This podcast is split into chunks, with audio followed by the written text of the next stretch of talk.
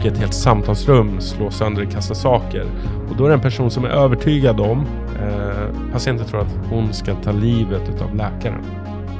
Flygvärdinnan kastar sig ner i sätet och gör sig Ave Maria och spänner fast sig. så hur reagerar då de flygrädda? Då är det så här, shit vi kommer verkligen dö nu liksom. Mm. Kontra när de bara fortsätter så här chips och whisky eller vad det är, Mm. jordnötter. Mm. Och serverar det och kör runt så precis som vanligt. Typ och, som orkestern på Titanic. Ja, det är värsta om man gör den referensen då.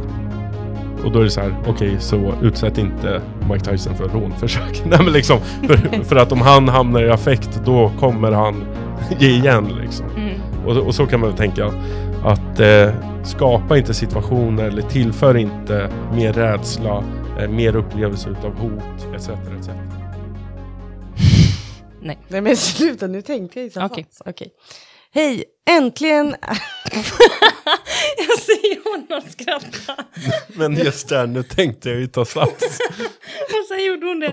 Det är så här, jag, alltså den här bortförklaringen när man är höjdrädd och ska Som hoppa från... Marshall. Ja, exakt. När man ska hoppa och, och sen så bara, nej, nu landar en I duva. was just going to jump. Ja, men exakt. Skulle han absolut inte göra. Nej, men man fick en bortförklaring.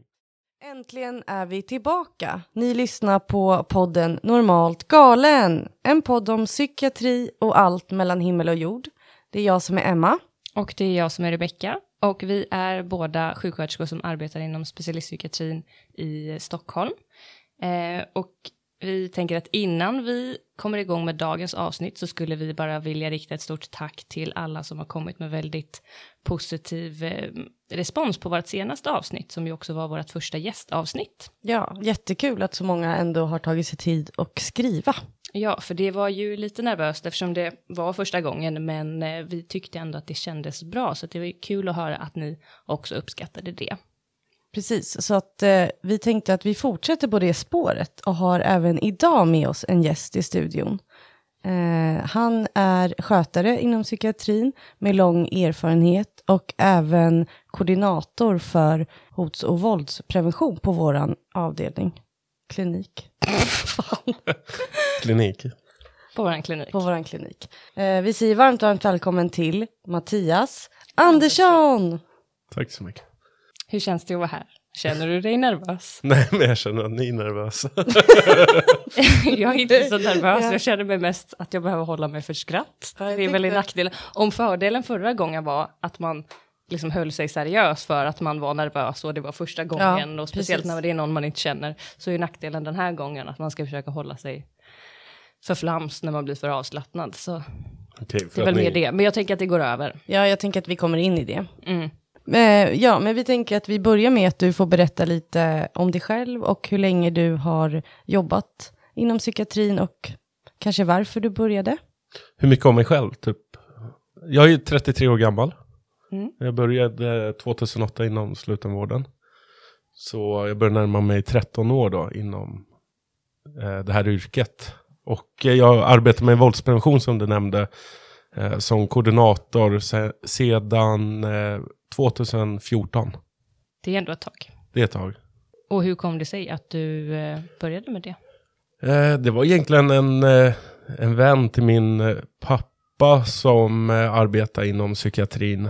Som visste att, att jag hade arbetat inom ja, med lite olika saker.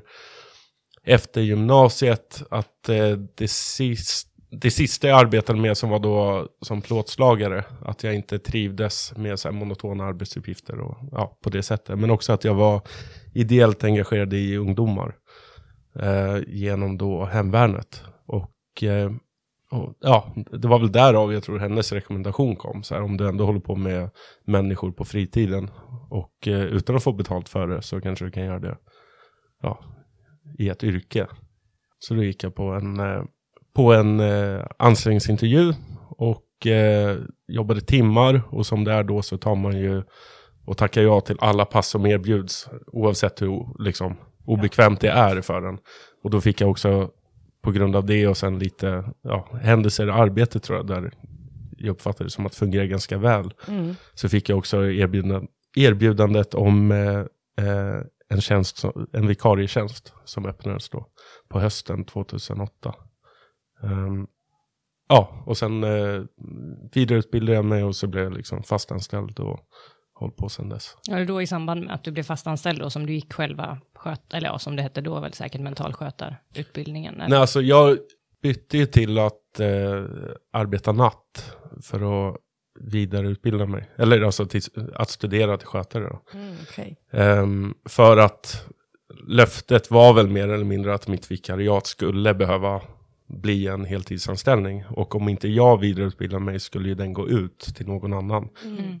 Ehm, och i och med då att jag, ja, jag höll ju på väldigt mycket i hemvärnet och eh, jag behövde, eh, jag behövde ju visserligen den tid som ibland ges under nattskift Mm. till, alltså till studier och till att planera övningar och sådana saker som jag hade i hemvärnet. Då. Så, ja, så kunde jag liksom hålla igång, fortsätta arbeta och studera och hålla på med fritidsintressen utan att det påverkar mitt, liksom, min återhämtning allt för mycket. Så att säga. Mm. Eller vad det frågan? Mm. Ja, det var Absolut. Ungefär. Men vad, hur kommer det sig att du fastnade då, eller att du liksom blev kvar? Nej, men jag hade ju lite resor. Jag pluggade internationella relationer och jag eh, visstidsarbetade parallellt med lite andra saker på andra, eh, bland annat på en annan myndighet men också på eh, arbeten som förmedlades genom vänner som jag hade då. Ehm, under de åren, eller liksom de första åren. Mm. Så det gjorde ju att, eh, ja, att, eh, vad ska man säga, man har ju sen en period då man behöver se sig om lite och testa andra saker. Och den chef jag hade då, han tillät det. Mm. Um, och, eh, för han rekommenderade mig att börja arbeta med våldsprevention och gå utbildningen, tror det var redan 2012. Ehm, men då tog jag en så här tjänstledighet utan lön då, under ett halvår, eller ett år kanske var till och med. Varunder jag också arbetade eh, då och då på helger och på kvällar och sådär. Så jag hade hela tiden det här parallellt, även om jag höll på med annat på sidan om. Och eh, sen fick jag erbjudandet om att söka tjänsten som koordinator för vår klinik i våldsprevention då. Och då tänkte jag att då kan det ju ändå vara någonting så här att satsa på liksom. Mm.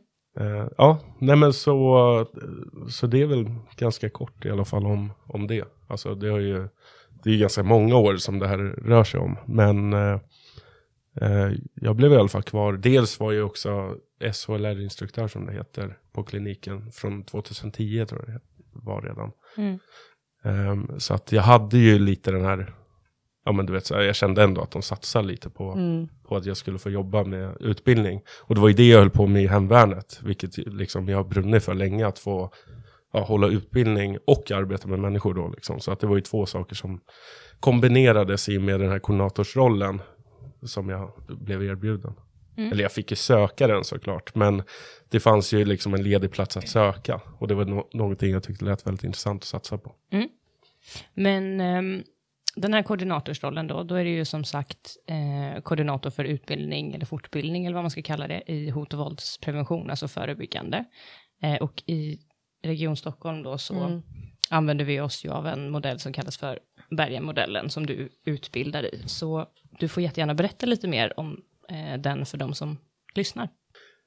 Ja, alltså kort kan man väl säga, man förstår väl att Bergen handlar om eh, en ort i Norge. En plats där. Eh, deras sjukvårdsområde heter Hälsebergen. Och eh, i början av 2000, alltså faktiskt 2000 till 2002, då höll man ju på på en PIVA-avdelning, alltså psykiatrisk intensivvårdsavdelning på Huddinge sjukhus med ett projekt om hur man ska hantera hot och våld. Eh, som utmynnade då eh, med kontakt, eh, alltså en del kontakter då med norrmännen i den här sjukhusregionen. Eh, som var väldigt eh, framstående med en eh, utbildningsmodell som de vid den tidpunkten hade som heter TERMA, terapeutiskt möte med aggression.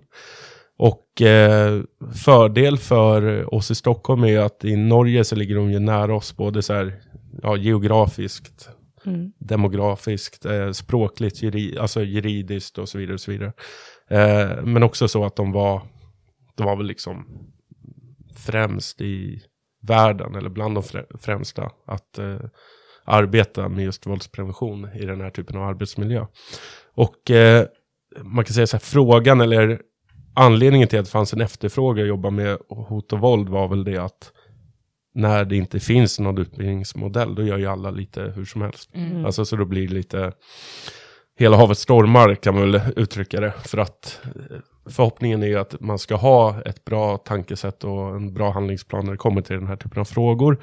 Men finns det ingen sådan plan eller någon policy eller någon regel eller rutin, då kommer det ju finnas avarter också. Mm. Ja, och jag tänker att det blir väldigt personbundet vem som jobbar och hur man tänker. Ja, men exakt så. Ha samma tänk. Ja. Ja, för jag menar även med de här utbildningarna så förekommer ju det fortfarande. Ja, så att det är ju precis. verkligen något som eh, man, man kan ju bara föreställa sig hur det var innan man började med Mm. sånt liksom.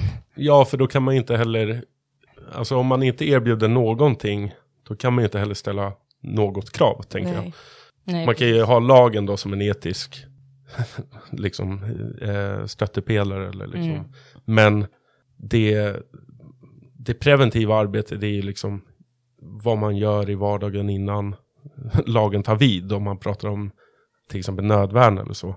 Och syftet med våldsprevention det är att det ska aldrig behöva gå så långt. Nej, precis, för det var väl det som vi tänkte komma in Ja. lite på eh, också här härnäst då, liksom att eh, när man tänker liksom, eller när folk utifrån kanske tänker hot och våld eh, och utbildning i det, då är det väl ja, men framför allt just det här med liksom, Typ grepp, ja hur exakt. man tar tag i någon. Alltså lite som typ polis, alltså poliser på, i, i filmer. Så här, hur brottar vi ner en person?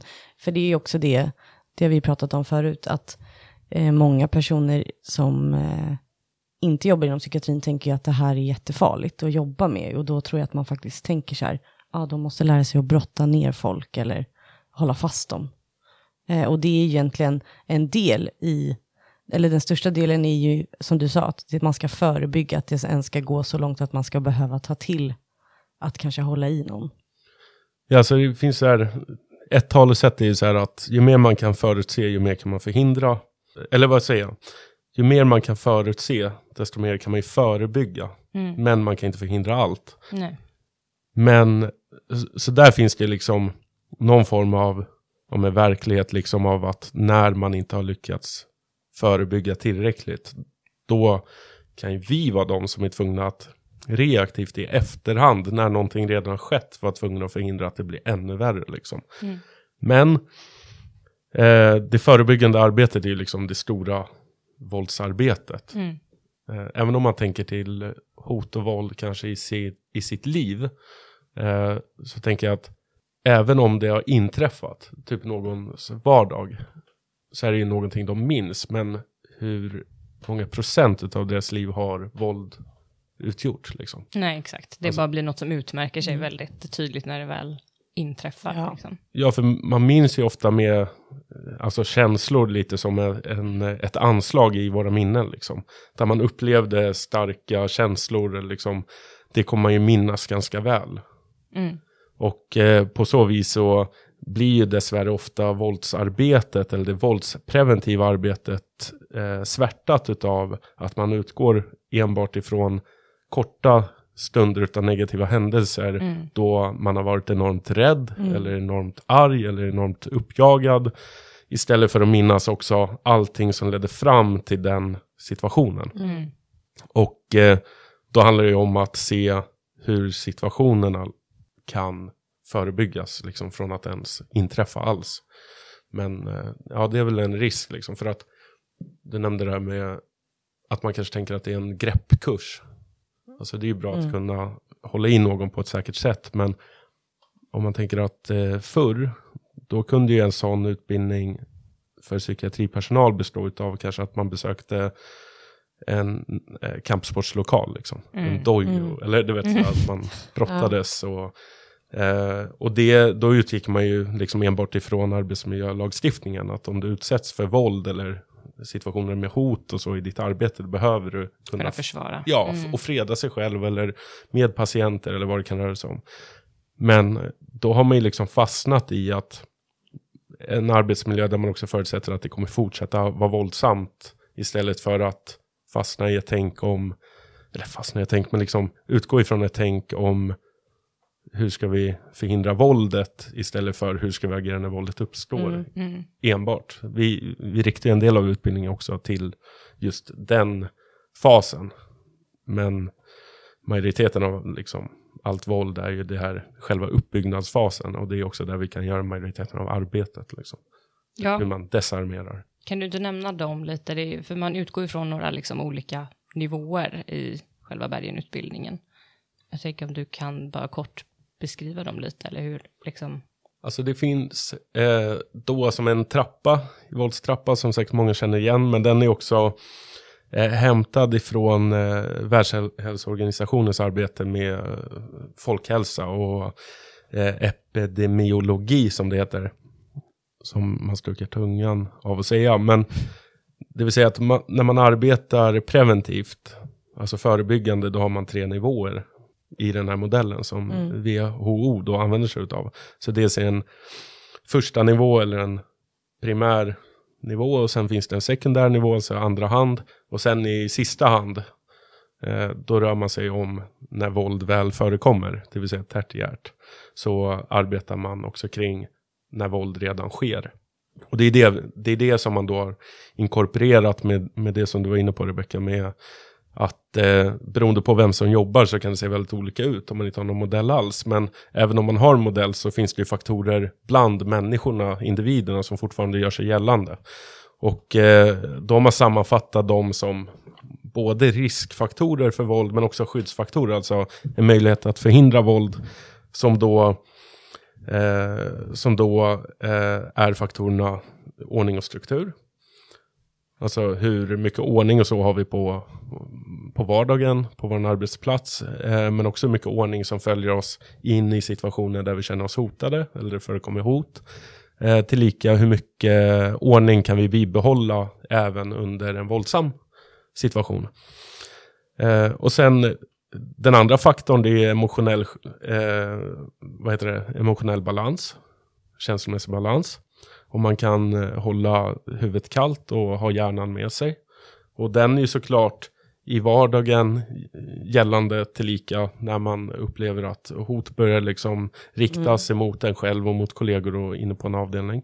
Men även eh, hur man kan hålla huvudet i balans under våldsincidenter, pågående våld. Och den eh, sista faktorn då, det är den här med positiv inställning eller attityd och förväntan. Mm. Förväntar man sig att det här kommer skita sig, ja då brukar det ju också ledas åt det hållet. mm.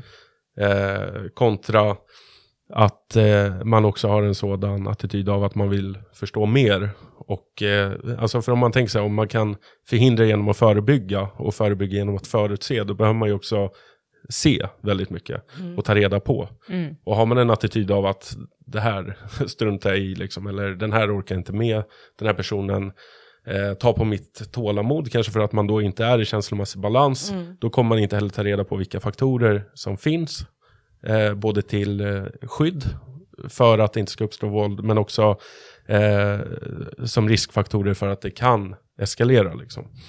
Eh, så mår personalen dåligt eller mår individerna dåligt, ja då söker de mindre information. Sannolikt så söker de mer återhämtning eh, de stunder då de inte står i ett direkt arbetsmoment och kanske försvinner bort in i ett personalrum och stänger dörren om sig för att liksom andas ut. Mm. Eh, och det kan ju vara faktorer kopplade till den här strukturen och ordningen som man eftersträvar då. Eh, har, man, eh, har man det väldigt tungt så påverkar det hur man mår och det kan på, påverka liksom hur mycket man, information man söker och, och jobba förebyggande med. Liksom.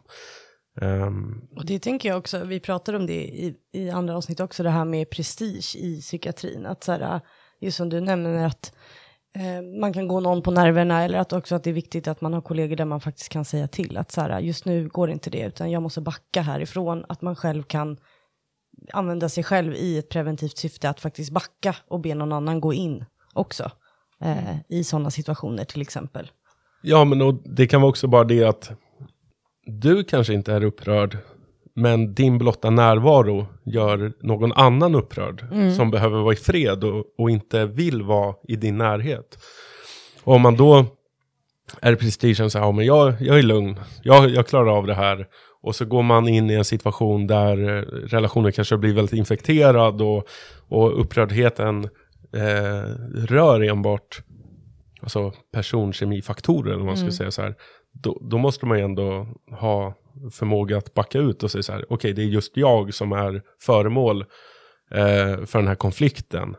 Och just nu, i det här skedet, så blir det inte bättre av att jag ska närma mig mer. Nej. Nej. Alltså man behöver bara space, eller Exakt.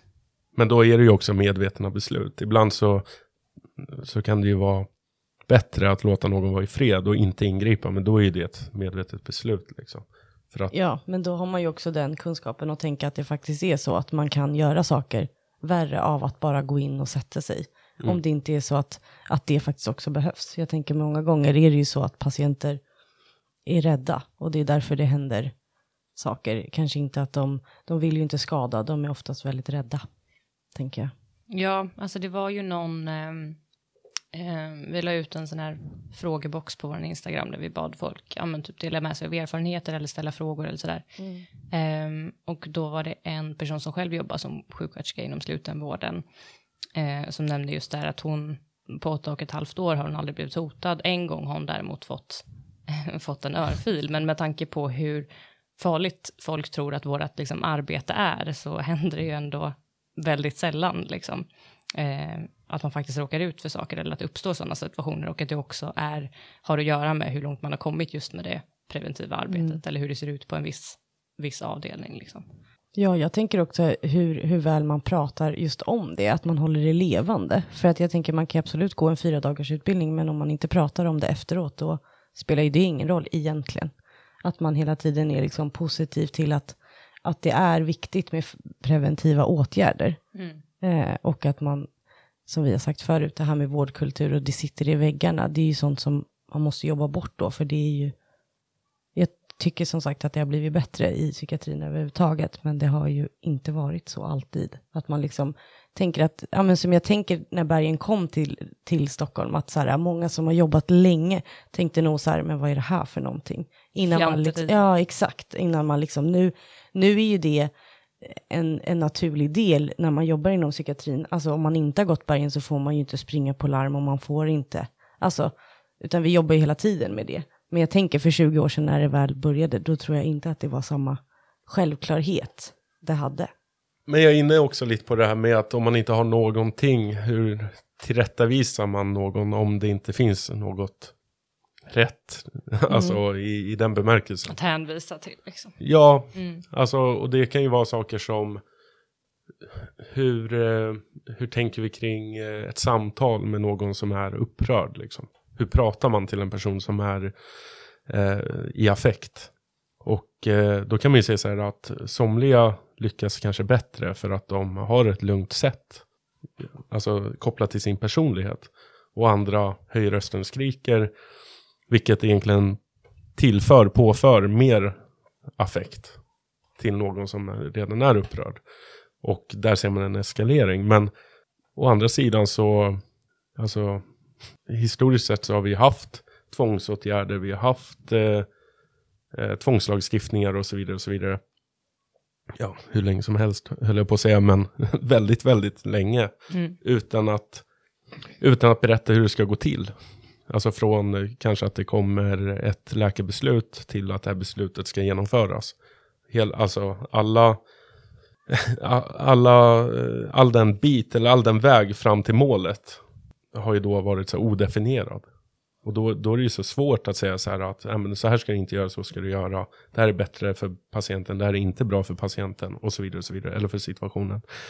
Eh, har man inte någon strukturerad mall för hur, hur det ska gå tillväga, eller ett arbetssätt, då kommer ju folk göra lite hur som helst. Och det blir ju verkligen upplevelsen också att här, det här kan sluta hur som helst. Mm. mm. På tal om eh, liksom en strukturerad mall eller liksom i bemötande och sådär, någonting som ändå har varit ganska omtalat och trendigt och hett eh, de senaste åren är just det här med lågaffektivt bemötande i många sammanhang, alltså både typ inom vården och sådär, men även ja, men som inom skolan och på andra ställen och sådär. Vad, eh, vad har det lågaffektiva bemötandet för liksom plats i Bergenmodellen eller i liksom hot och våldsprevention överlag? Ja, alltså jag tror nog att det skulle, vad heter han, Bo, som håller på med det. Han skulle nog inte godkänna liksom bergen som en lågaffektivt bemötande modell. För att som jag uppfattar det, jag kan ha fel och kanske behöver rättelse. Det finns ju folk som är mer inbitna i just lågaffektivt bemötande som modell. Um, men som jag uppfattar det så är väl föregångsmodellen där att utbryter kaos så då backar man ut ur det. Och sen eh, så ja, vid en debatt i tv så hörde jag honom säga att då blir det väl typ tråkigt att bedriva kaos. Så då kommer man sen rätta sig efter de som har lämnat rummet för att få åter deras sällskap. Mm. Om jag, jag kan ha missförstått den debatten. Men, eh, men det var lite min uppfattning av det. Medan med de här tre preventiva eh, modellerna, eller vad säger jag, med de här tre nivåerna. Mm. Så innebär ju det också att våld att hantera har ju också en plats för oss. Det vill säga någonting vi inte alltid bara kan backa ut ur. Mm. Och med det menar jag att våld kan ju då eh, klassificeras dels när någon med våld ska avvika mot deras eget bästa. Mm. Alltså ska lämna en sjukvårdsinrättning Mm. och är i, eh, i hågen så att säga att ta livet av sig.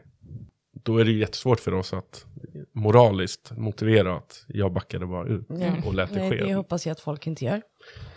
Eh, så på så vis så tänker jag att där klaffar det ju inte riktigt. Nej. Det kan ju vara ett nödvändigt ont som jag egentligen ogillar som begrepp. Men där, om man ser till proportionaliteten, att det vore oproportionerligt. Alltså smärtan för den här individen av att inte bli hindrad vore så mycket värre Mm. Mm. än den eventuella liksom, lidelse av att man kvarhåller den, Mm. att hindra den. Och just där och då så kanske det kan upplevas mycket värre såklart att bli hindrad. Mm. Eh, men om man ser proportionalitet på sikt så tänker jag att alltså, så länge det finns liv finns det förbättring Mm. och möjlighet till förbättring. Och, och det är någonting som man ändå vill eh, ge människor liksom, chansen till eh, ja, att ändå fortsätta leva. Liksom. Nej men jag tänker så här, våld, det man kan eh, benämna som våld eh, här, alltså i den, den översta nivån, alltså när våld förekommer, det kan ju för oss röra både eh, självskada, Mm. alltså när någon är våldsam mot sig själv, Mm. Eh, som behöver förhindras, där man inte bara kan backa ut. Men det kan ju också handla om när någon försöker avvika Mm. för att på sikt ta livet av sig kanske. Mm. Eh, sen kan det ju röra sig om eh, planerade tvångsåtgärder, alltså insatser där vi eh, försöker vara proaktiva. Alltså att eh, vi försöker föregå en förvärring, eh, föregå ett eh, tillstånd som på sikt kan vara farligt för patienten. Då. Mm. Eh, Och sen kan det ju ha handla om det som vi normalt ser som våld. Liksom att någon faktiskt försöker skada andra människor. Mm. Typ sin medpatient eller rumskamrat. Eller någon besökare, en anhörig eller Mm. någon ur personalen. Mm. Eh, och, och där infinner ju sig eh, vissa arbetsförpliktelser kan man väl säga. Alltså att i arbetet så ingår det att främja personens hälsa. Så att vi kan inte bara titta på alltid när Nej. någon skadar sig. Nej. Eh, vilket eh, jag skulle vilja se, eller jag skulle vilja faktiskt höra Bos eh, bild på det när han tänker sig att man bara backar ut i alla Mm. sådana Mm. situationer som kan leda till någon form av ingripande. Ehm, för att här, alltså här är vi ändå obligerade att ingripa Mm. i en rad olika situationer som de här som Ja. nämnts. Då. Eh, och, och, men det man kan se som en likhet med uh, lågaffektivt bemötande, det är ju det att det mesta av våldet på en slutenvårdsavdelning är ju affektivt våld. Och, och vad tänker du om man inte vet vad affektivt våld liksom är? Vad, vad menar vi med det? Att eh, översätta till emotionellt våld eller alltså någonting som eh, där våld är eh, inte ett medel eh, för att skada någon som har planerat att göra eller så, utan där man eh, eh, använder sig av våld för att ja, försöka undkomma obehag eller eh, Känslorna styr liksom Ja. handlingarna. Mm. Alltså om du till exempel eh, blir påhoppad av någon och, och du tror att du ska bli dödad. så kan ju du bli våldsam i den situationen för att försvara dig. Och det skulle då räkna till affektivt Mm. våld. Ja, eller även om du inte blir påhoppad, men som i många fall med patienter inom psykiatrin, att de upplever sig eller att de tror att de är på väg att bli påhoppade eller förgiftade eller liksom Ja. eh, slagna eller vad, vad, vad som Trängda, helst. vad liksom. som helst. Ja, precis. Hotade på något sätt, tänker Mm. jag. Exakt. Ja. Så när man upplever sig vara hotad eller bli angripen eller till exempel det kan ju vara en person som eh, eh, om ni har sett det tv-programmet Tunnelbanan, om de förflyttar eller alltså avlägsnar en passagerare som är, ja av någon anledning så har de fått för sig att den här personen får inte vara på tunnelbanetåget. Och så tar de tag i den personens arm och börjar leda ut den personen. Mm. Och om de då plötsligt börjar bryta upp den här armen på ett sätt som gör att de befarar att armen kommer nu gå av. Så kommer ju personen av självbevarelsedrift eh, sannolikt göra motstånd. Mm. Och då är frågan så här, är det här någonting personen, alltså när de börjar göra motstånd, hade de tänkt redan innan att halvvägs upp för rulltrappan, då kommer jag börja knuffas? Mm. Eller är det så att på grund av att de får massa smärt, smärta påfört sig Mm. och upplever att min arm håller på att gå av, därför gör de motstånd, alltså för att försvara sig. Mm. De motsätter sig kanske inte att bli avlägsnade, men de motsätter ju sig däremot att armen ska gå av när de medföljer eh, de här ordningsvakterna ut. Mm. Och då är det att räkna som affektivt våld, liksom, när de är i en självförsvarssituation som det kan upplevas som. Då. Mm. Vad är eh, motsatsen till affektivt våld? Då? Instrumentellt våld. Och eh, det kan man ju översätta med instrument, alltså att man använder det som ett verktyg. Mm. För Alltså- att få någonting, Ja, oftast. alltså uppnå fördelar. Eller Mm. rovdjursbeteende, liksom pre- predatorvåld som det kallas i somliga skolor. Mm. Vad, det- vad blir liksom skillnaden i själva ha- hanteringen eller förebyggandet då när det eh, kommer till affektivt kontra instrumentellt våld? Ja, alltså in, instrumentellt våld, eh, eh, det, det är ju mer vanligt förekommande där det, ja men det här tillfället gör tjuven. Typ. Mm. Alltså om man ser att här kan jag uppnå ett mål. Om jag höjer rösten, om jag eh, hotar eller om jag slår. Eller, Alltså det kan ju vara att man bankar en dörr eller säger att man ska skada någon till exempel. Ehm, och eh, ifall man då alltid får sin vilja igenom, genom det beteendet, då upplevs ju också de här tillfällena vara mer lukrativa och då kommer ju den här typen av våld öka. Eh, och, eh, och det är ju vanligare liksom, representerat ute i samhället. Eh, där det finns en plan om ett handlingssätt. Man går tillväga på det här sättet för att få någonting. Och då kan ju vara till exempel att man beväpnar sig eller ehm, ja, ja, men på olika sätt så blir det liksom bara ett verktyg för att få saker. Och naivitet, eller att människor backar och så vidare, det, det leder ju ofta till att det blir bara mer utav det. Mm. Det är gynnsamt för de som utövar instrumentellt våld. Exakt. Liksom. Mm. Och, och då vänder man ju på det så här att det måste vara tydligt att nackdelarna med beteendet överväger fördelarna. Mm. Som en vippbräda brukar jag eh, illustrera det. Liksom att om du fortfarande har fler fördelar med att fortsätta med beteendet, då finns det ingen anledning för att avbryta det eller att ändra på beteendet och då kommer det fortsätta. Eh, och så kan man ju se också i, eh, på en arbetsplats. Om man har någon som blir en hackkyckling till exempel. Mm. Där, eh, alltså, den individ som då söker sådana här ja, alltså, tillfällen som blir opportunistisk ser att den här personen får aldrig stöd av sina kollegor. Mm. Eh, den kan jag pusha. Mm. Eh, och framförallt om det är personer som sitter på någon form av makt. Alltså de sitter så här på, eh, kan det vara, om du säger om vi är inne i en butik, den personen som har nyckeln till kassaapparaterna liksom, som kan komma åt kontanterna. Då är det ju den som blir utsatt, som blir måltavla. För det är ju den som man kan få någonting ifrån. Mm. Eh, inte personen som saknar de nycklarna.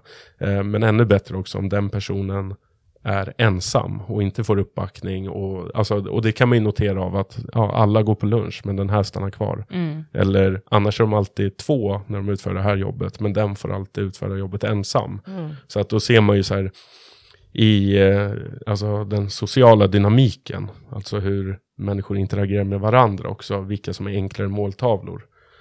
Så då kan ju så här, alltså det här tillfället gör tjuven. Alltså det, det kan ju bli att vissa blir så kallade ständiga offer också för den här typen av våld.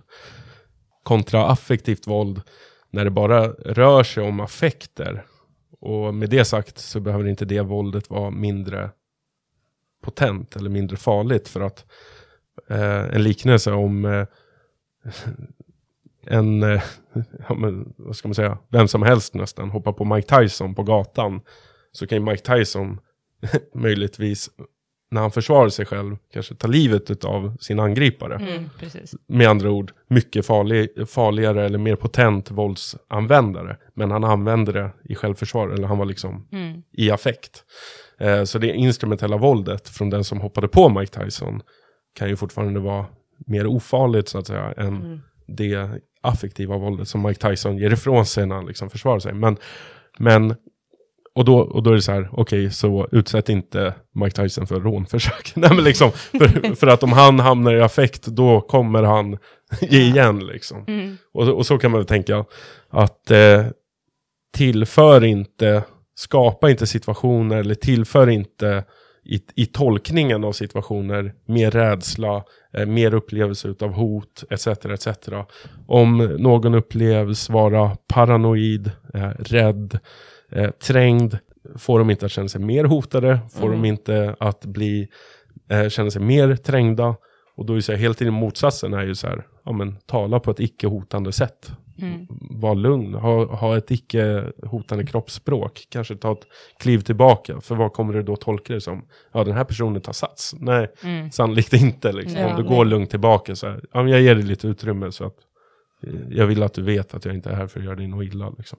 Vad kommer då hända med någon som är rädd? Ja, och jag kan, ändå, jag kan tänka också ibland när man har varit, träffat patienter som, som eh, man har, alltså som man själv ändå har blivit eh, liksom rädd för att man hajar till och tänker så här, oj det här, att man, eh, då har jag liksom typ backat något steg och sagt så här, vet du när du gör så där, då blir jag rädd. Och många patienter blir ju väldigt så där, nej det var inte meningen, utan alltså mer att jag har erkänt att jag blir rädd i den här situationen.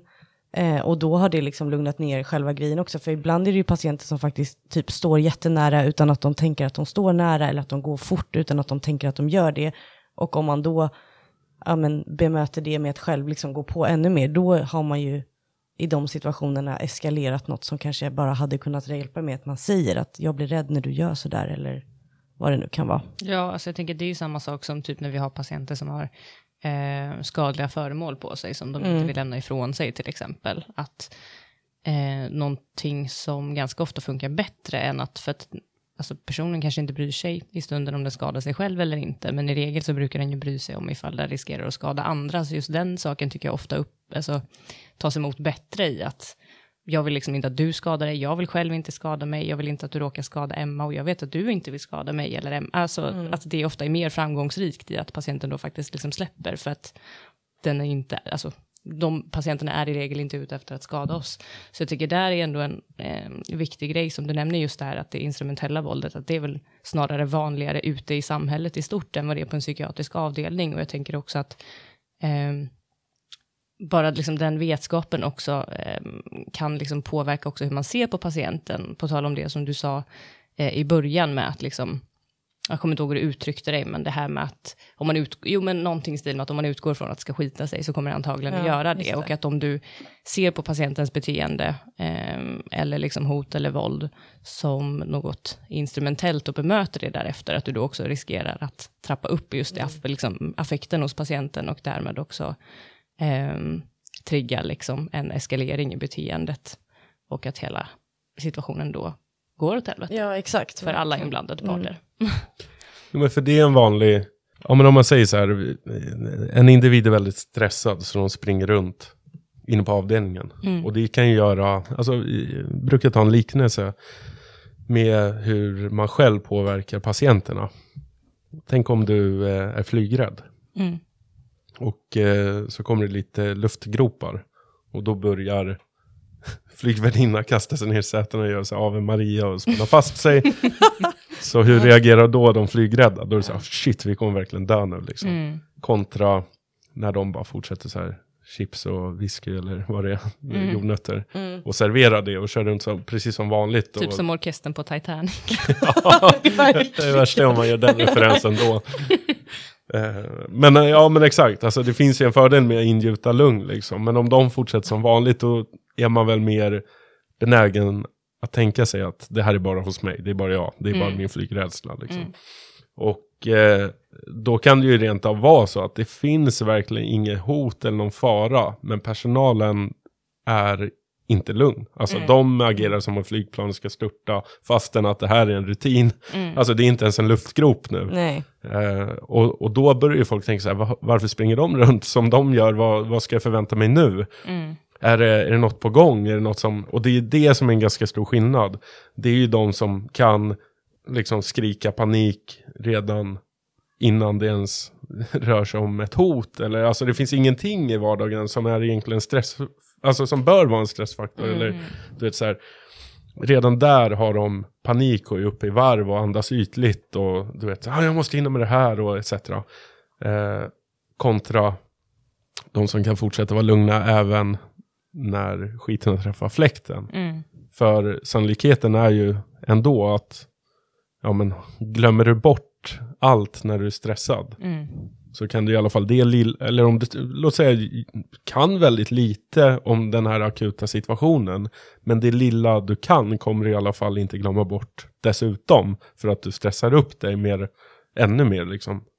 Eh, nej men jag brukar göra en liknelse, eh, för det kommer från erfarenhet från tidigare arbete med fältsäkerhet på en annan myndighet, eh, där man då eh, säger att det finns tre stycken säkerhetsnivåer när det kommer till personlig säkerhet. Och de går ju att jämställa med våra, vårat arbete liksom med en eh, våldstrappa eller med en triangel som det då kallas då med de här primära, sekundära, tertiära preventionsnivåerna. Att den första nivån i bergmodellen det är ju det här vardagslunket. När man ser och hör patienten och tar reda på hur de mår och intresserar sig liksom av att ta reda på vilka riskfaktorer som kanske skulle kunna eventuellt ha, men också förebygger dem genom att göra en trivsam miljö och skapa goda relationer inne på avdelningen, både mellan vårdpersonalen och dem, men också se till att de fungerar väl i patientgruppen. Och eh, ja, hur de mår liksom eh, när de kanske ska åka hem och ja, eh, människor de interagerar med utanför, liksom på permissioner och så också. Ehm, och sen så finns det liksom en sekundär när det kommer till hot och en tertiär när det kommer till våld. Och den brukar jag jämföra då med den här eh, säkerhetsnivåerna som man då kallar grön, gul och röd. När man pratar om fältsäkerhet eller personlig säkerhet. Och då är den gröna, det innebär ju att man har full medvetenhet, närvaro liksom i stunden. Eh, men man är inte stressad. Det är inga stressorer pågående liksom som gör att man, ja men du vet, spänner ögonen lite extra i detaljerna. Eh, men sen när man kommer till den gula nivån, det vill säga att det finns en risk för hot eller det finns en, liksom, en fara, en, eller en risk för faror. Eh, då är den att jämföra med om du hör ett larm gå till exempel. Det betyder inte att du befinner dig i någon form av fara, men det kan ju finnas någonting i närheten. Till exempel om ni hör brandbilssirener eh, eller ambulanssirener, polissirener och så vidare. Det gör ju ändå att man, okej, Vill det här är... vart den tar vägen. Ja, man behöver ändå rikta Ja. lite uppmärksamhet Mm. dit. Mm. Eh, och det gör ju ändå att folk vaknar till Mm. lite. Eh, och däröver, för där kan man ändå utesluta bekräfta. Är det något direkt här? Är det något som brinner här? Eller är det, Mm. alltså, är det något runt mig som jag behöver vara uppmärksam på? Eh, på en avdelning kan det ju vara typ att man hör porslin krossas. Är det då någon som har tappat det? Mm. Det, alltså, Ja. det är ingen fara, Nej. så jag går tillbaka till den här vardagslunken. Eller är det faktiskt någon som kastar den för de är arg eller Mm. krossat porslin för att de vill skada sig själva? Ja, då har man ju uteslutit bekräfta. Det är ju då när människor instinktivt stannar upp, fryser till också. För att man behöver spänna sin vakenhet, stanna upp så man själv inte röjer, eh, gör, gör massa ljud och läten och förflyttningar och så som gör att man inte kan fokusera på det som sker runt omkring en. Så det är därför man stannar upp för att eh, skärpa sinnena ännu mer. Och om det då skulle vara så att det är fara runt omkring en, eh, då kan man jämföra det med till exempel hjärt-lungräddning. Alltså någon har ett hjärtstopp. Och då är det ju potentiellt, det här är ju livsfarligt liksom. Den här personen som har ett hjärtstopp kan dö. Men i, inom röd nivå så gör du fortfarande det som krävs utav dig. Mm. Du har inte tappat hjärnan, men, det, men du är ju så, såklart stressad. Men du mm. gör ju fortfarande 32 mitt på kompressionerna och inblåsningarna. Um, men dessvärre så finns det ytterligare två nivåer uh, att jämföra då. Uh, vit nivå som är redan innan du kommer in i den gröna nivån. Uh, det vi i vardagstal kallar för zombieläge. Det vill säga du typ somnar på jobbet. Eller mm. alltså, det är okej okay på fredagskvällen, du vet innan du somnar ja. framför ett tv-program eller sådär. Eh, men inte okej okay ute i samhället heller. Du vet om du går ut och korsar en bilväg så kan, tittar du i telefon, ja, då kan du ju potentiellt bli påkörd för att du går i ditt zombieläge mm. med hörlurar i öronen och så. Eh, och den yt ytterheten åt andra, polariteten åt andra hållet är då svart nivå. Och det är en farlig situation Alltså det här röda läget. Mm. Men du passerar emotionellt och blir känslostyrd. Mm. Till exempel ja. när du har fryst för att du ser en bil komma emot dig så är du inte heller förmögen att förflytta dig. Så att det är inte så att du inte upptäckte det, alltså att du är i ett zombieläge. Mm. Men du blir så stressad så att du kan inte göra någonting. Mm. Och det, så kan det ju vara fara i, i arbetssituationer också. Om människor till exempel som blir angripna, bara står blickstilla, gör ingenting. Mm. Eller till exempel ja, på sjätte våningen i en arbetssituation kastar sig ut genom ett fönster för att komma ifrån något, en farlig situation inne på avdelningen och dör i fallet. Okej, den här angripen kan inte följa efter, men du, dog i alla fall mm. för att du var så skräckslagen. Mm. Liksom. Eh, och det är väl de två nivåerna jag tror man kan, liksom, det är de som är, som verkligen skapar farliga situationer. Du vet att man eh, rör sig väldigt långt till oaktsamhet, ovakenhet. Alltså, eh, man är inte investerad i, i sitt arbete dagligdags. Man tar inte reda på vilka människor är runt omkring sig. Mm. Eh, man eh, alltså, investerar inte tid i att se vilka riskfaktorer vi har eller vilka skyddsfaktorer vi behöver arbeta med eller lyfta fram. Tillika man är så nervös och skakig. Jag tror att det här kanske blir lite också bilden av när om människor är jätterädda för, de tror att det är liksom jättemycket våld bara för att det är psykiatri. Eh, och då, då har man ett väldigt, då kanske man är så stressad att man har nära till att agera farligt eller liksom mm. destruktivt. Mm, ja. eh, och skapa situationer eller inte kunna hantera situationer adekvat på grund av sin egen stress. Liksom. Um, och, och, jag gillar att leka med ord. Jag brukar kalla det då så här att zombieläget, den vita nivån, då, då är man i koma. K-O-M-A. Och sen så slår man om ordet, byter plats på bokstäverna. Baklänges så blir det då i svart nivå amok. Mm. Så, mm, ja, ja. så en arbetsplats med dålig, eh, så att säga, där man har dålig emotionell balans, så kanske människorna, eh, och, och låg kunskap också, så, kan de ju så här, ena sekunden sitta i koma i personalrummet och säga allt är lugnt ute på avdelningen. Mm. Men de ser inte allt det här som föranleder till en våldsincident. Och så hör de så här brak och krasch och, och så mm. någon som skriker så här, och någon som gråter. Så springer de dit och sen agerar de väldigt kraftigt och hårt. De kanske använder bältesäng och du vet så här och mm. hårda eh, elaka fula grepp. Nej men du vet så här. Ja. Och, och, och, alltså de löper amok mm. i ett par minuter. Mm. och sen så efter det så glömmer man bort, ja det var människa i allt det här och så mm. går man tillbaka till sin ja. komaläge. Och så frågar man så här, hur har dagen varit? Då bara, allt har varit lugnt. Ja förresten, vi var lite superheroes i tre minuter, vi bältade där och, så, och sen var allting lugnt igen. Så här. Men vad, jag tycker du har ju eh, ändå, alltså både jobbat länge och sen också i och med din alltså att du arbetar mycket med hot och våldsprevention och med eh, just utbildning kring eh, tvångsåtgärder och sådana här saker. Så du har ju deltagit också vid väldigt många tvångsåtgärder under dina år. Och du är ju också en person som eh, är, liksom, ja, men, är snabb att springa på larm när det väl behövs mm. och så mm. vidare. Vad, om vi liksom går in mer typ praktiskt, alltså vad är någonting, eller det kan vara både eh, som du ser när du håller kurser, men också praktiskt i faktiska situationer som du ser som ett återkommande mönster av liksom, vad ska man säga, problem där kunskap brister eller där det liksom faktiskt eh, inte går bra till? Vad kan det vara för typ av saker?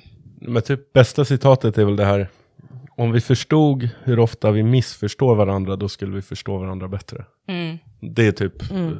grund, alltså i nästan, om, om du säger då ett larm, Mm. eh, att det är väldigt mycket konflikter som bygger på missförstånd och eh, missbedömningar av eh, intention från den andra parten. Mm. Alltså patienten kan ju bli närmad en sjuksköterska med vid behovsmedicinering till exempel för att lindra deras ångest. Mm. Alltså Mm. i grund och botten för att hjälpa. Eh, misstar intentionen för förgifta. Mm. ja men liksom. Mm. Okej, så där har vi en konflikt. Mm. Och missförstånd. Eller patienten eh, känner sig trängd. Kan inte uttala det. Är så stressad att eh, talet sli- sluppit undan dem. Eh, och stirrar eh, liksom tillbaka. Och där så uppfattar man ja, men, någon typ av afasi kanske. Och går rätt in. Mm. Och, och ser inte att här är någon som är väldigt skräckslagen. Mm. Har inte uttalat rädslan för, för dig. Men du går ändå in. För du förstod inte alltså situationen ur patientens perspektiv. Mm. Och, blev, och när patienten trodde att, att han eller hon skyddat sig själv. Mm. Så trodde du att han eller hon angrep dig. Båda, båda upplever ett angrepp liksom Ja. Mm. eh, från den andra parten. Ehm, men tvångsåtgärder är alltså i regel, eller för, i min förhoppning, liksom välplanerade och välmotiverade. Mm. Alltså så att det inte är reaktivt, Mm. utan det här är, ja, det här är tvunget utifrån tillståndet Mm. hos den här individen. Och det går inte att jobba längre med självbestämmandet. Man har gjort det in i det yttersta försök att få den här personen bättre med eh, mindre intensiva insatser. Eh, men man ser fortfarande ett akut förvärrande av personens tillstånd. Och överväger alltså, om man kan säga, de här behand- behandlingen ska ju ha de här god grund i tre eh, i tre delar, det vill säga det vill säga hur långvarigt ska vi behandla med den här metoden, långvarigheten av den här behandlingen. Den andra är intensiteten eller intensiviteten och den tredje är tajmingen, alltså när är det rätt tid att göra vad? Mm. När är det rätt tid att låta en behandling ta längre tid, mer långvarighet? När är det rätt tid att inte ta lång tid på sig och höja intensiteten? Och då hamnar ju olika, olika etiska, kan man säga så här, frågeställningar stundom i konflikt med varandra. Det vill säga patienten vill bestämma själv. Eh, skall in i det yttersta få bestämma själv. Mm. Kontra vi måste för patientens integritet skydda. Eller för patientens alltså, hälsotillstånd skydda. Ehm, för att man, man ska inte glömma bort att det finns en, alltså, man tillför en psykologisk skada genom tvångsåtgärder. Eh, och den kan man ju inte underskatta på så vis att man glömmer bort den som en, eh, i proportionaliteten som en motvikt till de fördelar man eventuellt får av medicinen. Mm. Alltså om, om eh, traumat eller ret, retraumatiseringen kan det ju också handla om. Från att utsättas för någonting med, mot sin vilja med tvång. Om, om den är vad den är. Så måste man ju ta den i hänsyn till den eventuella hälso, positiva hälsoeffekten med tvångsåtgärden. Mm. Eh, så det, det är väl det liksom, som ska, beslutet måste grundas i. Liksom, att, låt säga då, en eh, person vill inte vara avskild. Alltså det vill säga på sitt rum får inte gå ut till de andra patienterna. Ja, då går, men man avskiljer alltså en tvångsåtgärd. Man har personen inne på sitt rum mot den eh, patientens vilja. Då bryter man ju mot patientens autonomi, självbestämmande. Men vad ville patienten göra? Eller vad, hade, vad är det som håller på att hända? Mm. En kanske har för avsikt att ta livet av sin medpatient. Då är det så här, gör vi inte det här korta ingripandet nu, eh, hindra Mm. från den här livsfaran. Eh, då kanske personen får långtgående konsekvenser av rättspsykiatrisk vård eller så, där autonomin är, eh, eh, avgränsad eller eh, inskränkt i kanske tio år Mm. kontra ett par timmar avskild på sitt rum. Och eh, just där och då är väl det här kanske inte ett argument som går att göra med patienten. Eh, det kanske man kan göra efteråt. Mm. Vad har vi förebyggt? Mm, Vi, vi är medvetna om att vi har tillfogat viss trauma genom alltså upplevelsen av, eh, den hemska upplevelsen av att vara isolerad. För eh, den ska man verkligen inte glömma bort. Har man ett fängelse så är isolering det värsta st- straff man kan Mm, få. mm. Och då är ändå motsatsen, alltså för vi är så sociala individer att vi umgås hellre med andra, våld, alltså inte andra, men med våldtäkts, våldtäktsmän, mördare, eh, bankrån, eller vad det nu kan vara. Ja. Än att vara isolerade. Hellre än att vara Ja. isolerade ensamma. Mm. Men det kan ju också vara, jag tänker att, eh, nu drog du som exempel att patienten ville mörda en annan patient. Det kan ju också vara att skydda dem mot att springa nakna i korridoren. Alltså behöver inte vara så grovt till exempel. Jag tänker det kan ju också vara att då får det konsekvenser för att shit jag sprang naken, att vi skyddar dem mot att, ja, men som vi brukar säga, göra bort sig. Att man när man väl är i sina sinnesfulla bruk kommer att ångra att man klädde av sig naken framför alla på avdelningen till exempel. Ja, och då är ju just den här från beslutet, den här personen skall avskiljas. För, eller liksom hindras på något sätt då, från att gå runt eh, klädd, naken, oklädd, Oklädd. eh, gå runt naken. Ja. Eh, ja, men då hur tar vi oss från beslutet till genomför, alltså att har Mm. genomfört till, till målet, till liksom punkt B där personen a- är avskild. Om eh, vi inte har ett ska man säga, humant sätt att genomföra det på, Mm. då kan vi verkligen överväga att, att avskilja den personen. Kanske kommer vara till mycket större nackdel, Ja. alltså för patienten, Mm. än att låta den skämmas lite Mm. för den gick naken. Alltså om man tänker om, Ja. om det innebär att man blev på ett osnyggt sätt införd på rummet. Liksom. ja. Mm. Typ släpad så att alla såg eller vad Mm. det kan vara. ja, men exakt. Mm. Men jag, jag tänker också när vi pratar om just det här, eh, alltså väga, vad heter det som du sa för eller vad som skyddar patienten. Det här, men jag tänker också, vi pratar om, eller det har jag varit med om, att man har fått eh, en ordinerad en tvångsåtgärd, vi säger att eh, fastspänning, men sen så liksom lugnar patienten ner sig och man eh, känner att nej men det här det är inget som behövs, då har ju jag, tänker bara på min erfarenhet, kanske lärt mig att jag själv skulle kanske nu så här, nej men nu behövs inte det, men, men för tio år sedan så hade jag säkert aldrig sagt till, utan då hade vi ju tänkt så här, ja ah, men det är en ordination, då ska vi bälta.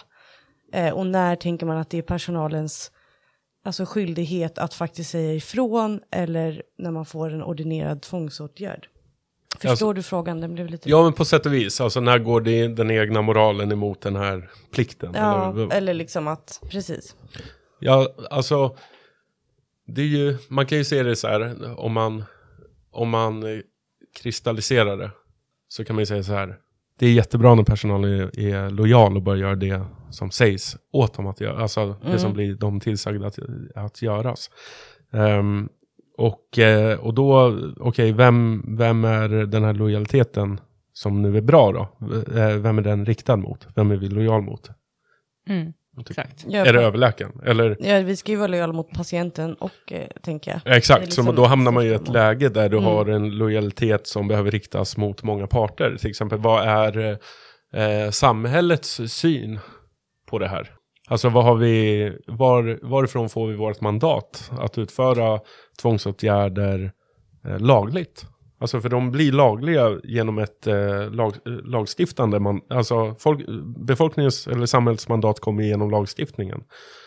Och då är det väl då är det ju en överläkare som fattar beslut efter Mm. de lagarna. Men samtidigt så kan det ju finnas en intervall, en tidsintervall från beslutet till genomförandet. Och, och där under den intervallen så förändras situationen.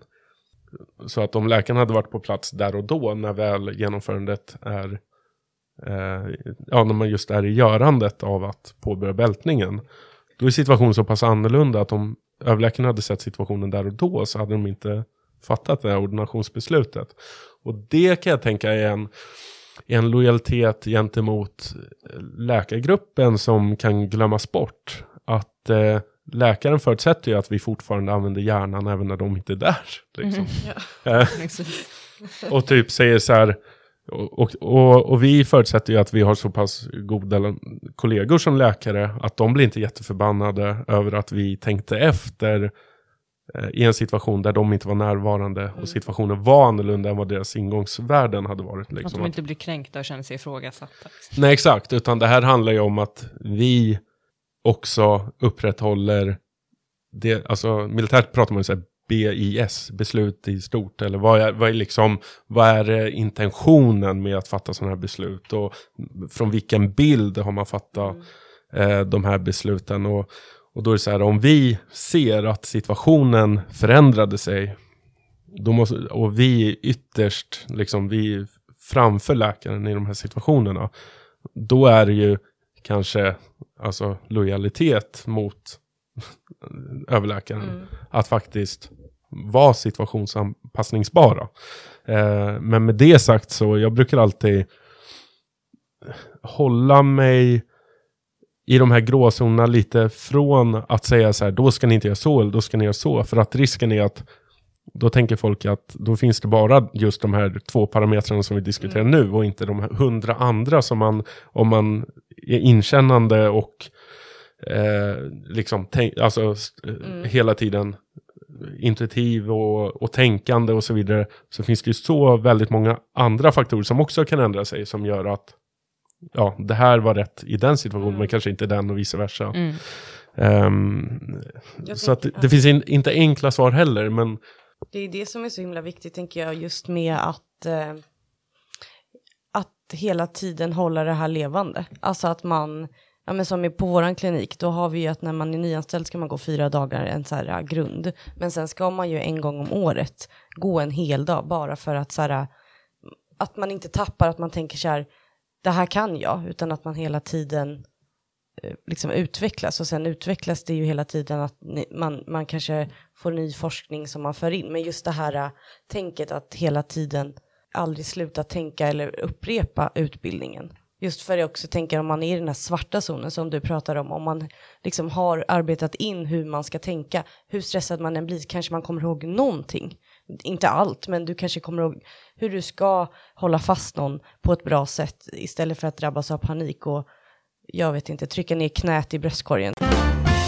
Nej, men vi läste någonstans från um, angående tvångsåtgärder och fastspänning i bälte och extravak och sånt. Eh, så läste vi väldigt intressant, det var um, angående psykiatrin i Spanien och Portugal. Eh, där, för den som inte känner till det så är det ju, eh, i, i Sverige så arbetar vi på det sättet att när någon blir utsatt, eller utsatt är med om en, ja utsatt kan man säga, en tvångsåtgärd där den blir fastspänd i bälte så får den aldrig lämnas ensam utan har ett så kallat extra vak eller ständigt sällskap eller det kan kallas lite olika på olika ställen. Eh, men eh, det som beskrevs här då var att i, i dessa länder så är patienten aldrig ensam med en personal utan man är eh, minst två till tre stycken eh, för att förebygga att övergrepp sker och att, liksom, att det inte ska vara Ja, ja, att man inte ska bli lämnad ensam med en personal i ett så utsatt läge.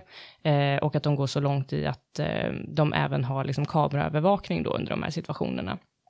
Eh, och då är vi lite nyfikna på liksom bara Din syn på din syn, för vi tyckte det var väldigt eh, intressant och just det här i att eh, Ja, alltså även om det då finns liksom eh, problem eventuellt då liksom integritetsinskränkningsmässigt med kameraövervakning så är det ju fortfarande eh, som sagt en väldigt stor risk att, att lämnas ensam i en så utsatt position och framförallt då eh, alltså oavsett om man varit med om, om eh, trauma eller liksom övergrepp eller så liknande så ja, jag, jag vet inte vad, jag ska inte prata istället för dig. Vi undrar vad du har att säga om detta eller vad du har för tankar. Alltså jag vet inte, just kameraövervakning var, alltså jag, om jag ställer mig positivt till just det. För att en kamera, den är ju så anonym. Alltså vem tittar på den eller, Mm. alltså det kan ju åstadkomma jättemycket funderingar och rädslor och, och sånt hos patienten, tänker Mm. jag. Typ är det här, jaha, livesänds det här? Alltså jag har hört Mm. Patientberättelser om att de upplever att det här extra vaket som kanske satt och gjorde korsord. Mm. Och då var det inte i samband med en bältesläggning utan bara av omvårdnadsskäl. Att, man, att, eh, att man trodde att man var med om en medicinsk studie. Att någon satt och antecknade liksom. Exakt. Okej. Mm. Och än värre, det, det tror jag också att det finns skötare som har anmälts för att de har suttit med sin egen privata mobiltelefon. Mm. Alltså om tänker sig om du lyfter en mobiltelefon idag så är det en kamera i andra änden. Mm. Där upplevelsen var att bli filmad i den här Mm. situationen. Mm. Och då tänker jag så här, där tänker jag att det kan komma en uppsjö av funderingar, alltså eh, rädsla och Mm. så vidare om det är en kamera inne i det här rummet. Men stor fördel som säger det här med att det är fler personer, inte bara en. Eh, och särskilt om man pratar om det här med, med sexualiserat våld eller utsatthet för sexuellt våld. Så är det, det finns ju en studie i delstaten Victoria i Australien. Eh, där man pratar om hur eh, patienter, kvinnliga patienter, har då eh, upplevt vården. Alltså i, i synnerhet då hon känner sig trygga, otrygga etc. I koppling då till sexuell utsatthet eller risken för att utsättas. Och då Mm. är ju en del av blickarna riktas ju då såklart mot vårdpersonal. Att det är potentiellt vårdpersonal som upplevs som förövare. Mm. Det finns ju exempel där vårdpersonal har varit Mm. förövare. Och där i den här studien så är ju deras rekommendation att när personal är ute på golvet så att säga, bemannar korridorerna och så, Mm. att det ska inte bara vara en personal som har den uppgiften, utan det ska alltid vara minst två ute i gemenskapen ute på avdelningen där patienten umgås ute i dagrummen och eh, så vidare. Man kan tänka sig så här nattpersonal kanske går en säkerhetsrunda eller vad det nu kallas på olika håll, olika Mm, regioner och olika namn för sånt där. Men där man till exempel ser folk mår nattetid. Mm. Mm. Vad händer ifall du aldrig träffar den här personen som jobbar natt och det plötsligt står någon och kikar in i ditt rum liksom mitt i natten. Och betryggande då kanske om det är både en kvinnlig och manlig personal och att det liksom eh, det kan ju ge någon form av legitimitet att de här kontrollerar varandra. Mm. Så, så tycker jag absolut att det är en eh, föregångs, eh, föregångssätt att arbeta liksom, med Mm. mer personal i utsatta situationer. Eh, men vi har inte så i Sverige. Lagen säger enbart att patienten ej får lämnas ensam. Mm. Och, Vilket i eh, praktiken typ alltid blir då att man lämnas med en, eh, med en person när, alltså, Ja, när fastspänningen väl är, liksom är klar, eller vad man ska Mm. säga, när personen ligger fastspänd. Alltså jag vet att det finns ju olika syn på uppgiften också. Eh, Hört att i Sydamerika har man så utbildning just för att kunna få sitta extra vak, att det inte är vem som helst som får göra det. Mm. Utan det krävs särskild utbildning för just den typen av vak. Mm. Medan eh, här kan man ju tänka så här att Alltså det här är ju, vår, ett extra vak är ju våra motsvarighet av intensivvård. Ja. Och Ja. då vill du inte sätta vem som helst där. Alltså någon som Nej. är ny på arbetet. Mm.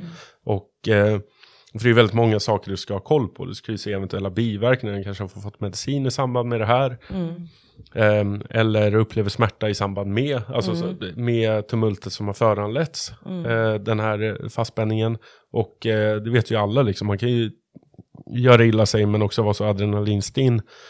Att, man, att smärtan kommer först senare och att man upptäcker skadan först senare.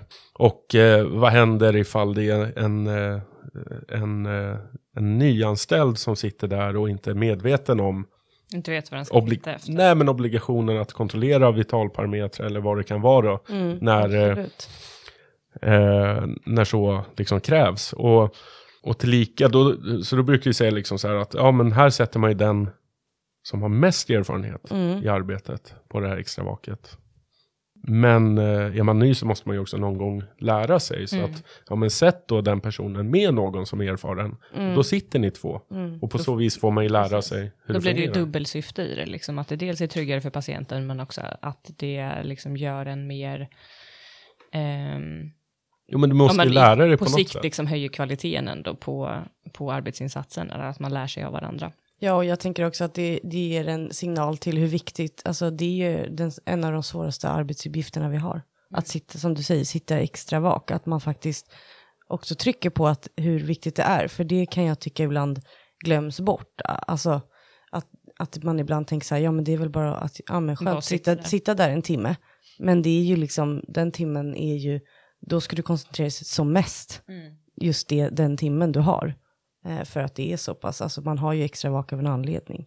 Ja, precis. Vare sig man är fastspänd eller inte, om man Exakt. har extra vak tänker jag. Verkligen. Jo men för det kan ju vara sådana saker som att om men, vi vet ju att det är obehagligt att vara i ett rum där man inte riktigt kan överblicka hela rummet Mm. om man är i en situation, alltså i stunderna efter att man faktiskt har varit i en konflikt.